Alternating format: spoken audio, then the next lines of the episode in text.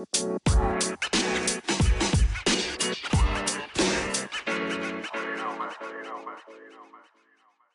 everyone, Assalamualaikum warahmatullahi wabarakatuh. Selamat datang di Podesa.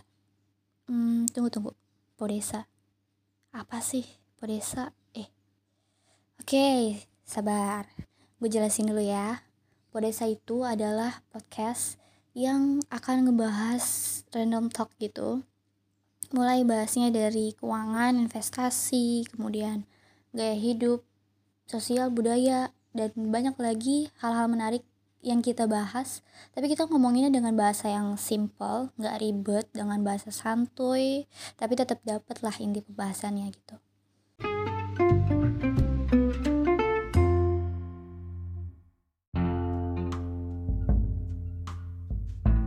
Di episode pertama uh, gue akan bahas mengenai quarter life crisis. Sebenarnya istilah quarter life crisis ini cukup uh, populer ya. Populer di kalangan ini sih seusia gue. Ya quarter life crisis ini adalah istilah psikologi yang dialami oleh orang-orang kisaran usianya 20 hingga 30 tahun. Tapi sebenarnya quarter life crisis ini menurut gue ya sesuatu yang lumrah gitu wajar. Setiap manusia itu pasti mengalaminya gitu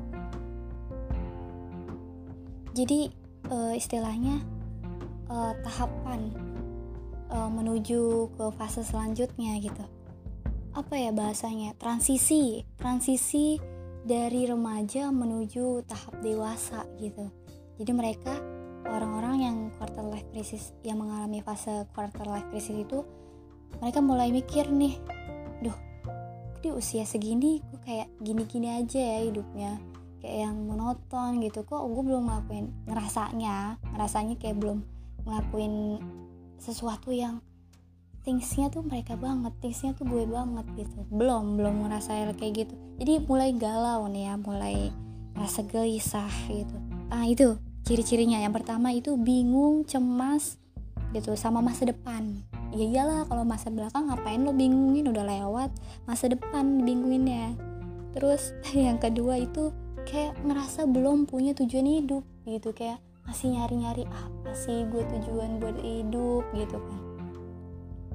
Ya gitulah istilahnya galau nggak jelas. Sebenarnya kalau galau nggak jelas itu adalah kalian apa ya bukan kalian gue juga pernah ngalamin. Ya kan gue bilang manusia kalau manusia nggak ngalami fase ini berarti aneh gitu kan.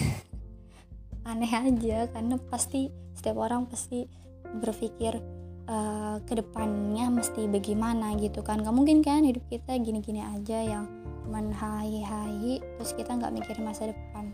Kita nggak mikirin uh, apa nextnya gitu.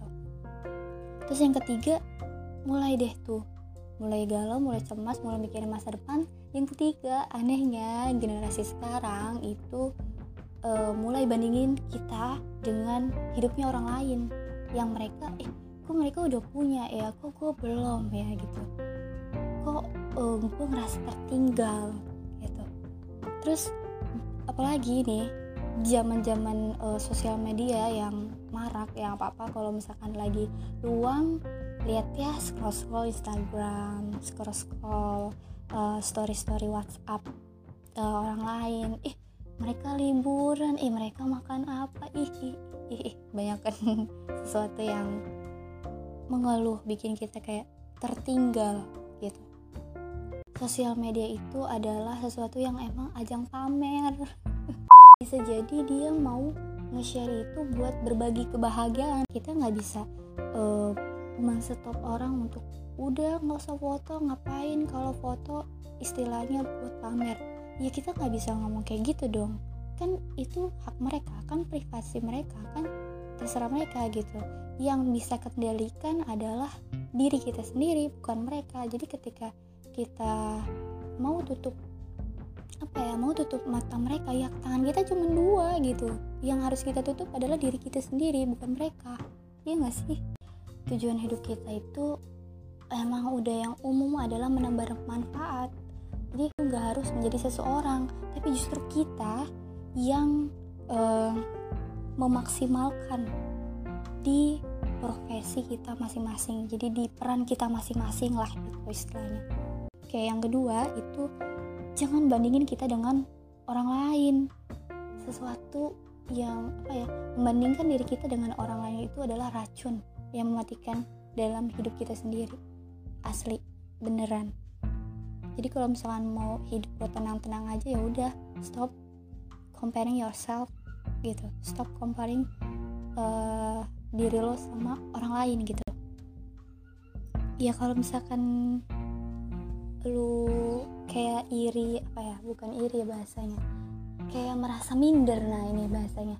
Kayak merasa minder ketika kok mereka ngelihatnya happy terus ya giliran kita ngebandingin ke diri kita gitu.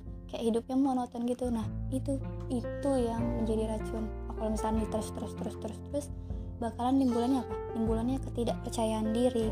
Terus ya bakal berdampak negatif gitu sama diri kita yang sendiri gitu. Bakal nganggap kalau diri kita itu nothing gitu.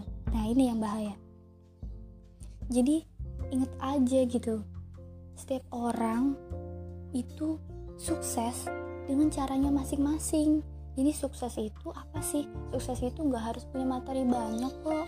Sukses bagi sebagian orang termasuk uh, gue pribadi ya.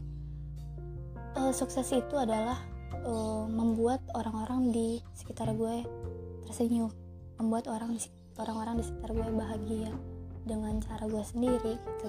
Jadi nggak harus punya uang banyak biasa kalau membahagiakan orang kan harus uh, apa uangnya banyak. Ya betul juga sih kalau apa apa emang butuh uang tapi ada hal-hal kecil yang kita bisa nge-share gitu. Dengan tanpa uang contohnya apa? E, menghargai orang lain. Kayak e, say thank you kalau misalkan udah membantu lo gitu kan. Ya bilang makasih gitu hal-hal kecil lah gitu. Buat orang bahagia tuh ya nggak mesti dengan uang gitu ya. Terus yang ketiga itu adalah buat checklist dalam hidup. Iya maksudnya buat checklist itu kayak apa yang dipengenin apa yang diinginkan gitu. Buat mulai dari hal, -hal kecil contoh kayak I wanna buy uh, pengen beli apa ya misalnya. Oh ya pengen beli cat air kayak pengen beli kuas cat gitu. Tulis aja gitu di list gitu kan. Pengen beli facelift pengen beli sepeda pengen beli ini uh, atau misalkan pengen hafal surat nambah atau misalkan terus kalau misalkan udah uh, tercapai di checklist lah. Nah ketika kalian sudah uh, menyadari oh iya ternyata saya berproses gitu. Jadi ada hal-hal yang kita lihat nih mulai pertamanya kan kosong nih nggak ada checklist. Ya, terus ada nih beberapa checklist. Nah itu berarti kita sudah mulai berproses gitu. Nah buat checklist ini termasuk eh, hal-hal uh, yang uh, apa ya ketika kita sudah menyadari gitu oh ya ada beberapa yang telah kita lakukan gitu. Kemudian kita merasa bahagia merasa bersyukur bahwa uh, oh ya Allah udah kasih kita rezeki ini ada beberapa keinginan yang sudah tercapai.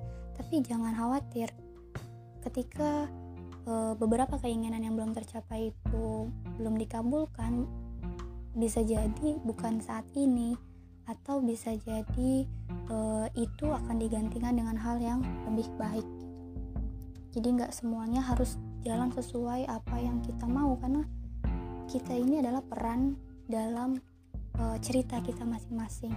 Siapa yang membuat skenario nya yang membuat skenario nya itu ya Allah tugas kita ya cuma jalani aja gitu. Jalani sesuai peran kita masing-masing.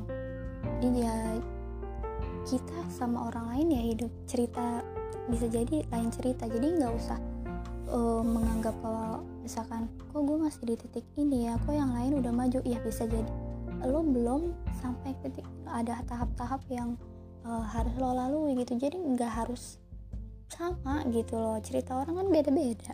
Kalau mesti sama ya nggak lucu dong. Makanya ada uh, yang bilang uh, hidup itu adalah seni. Kenapa dibilang seni? Karena tiap orang punya ceritanya masing-masing. Tiap orang punya caranya masing-masing gitu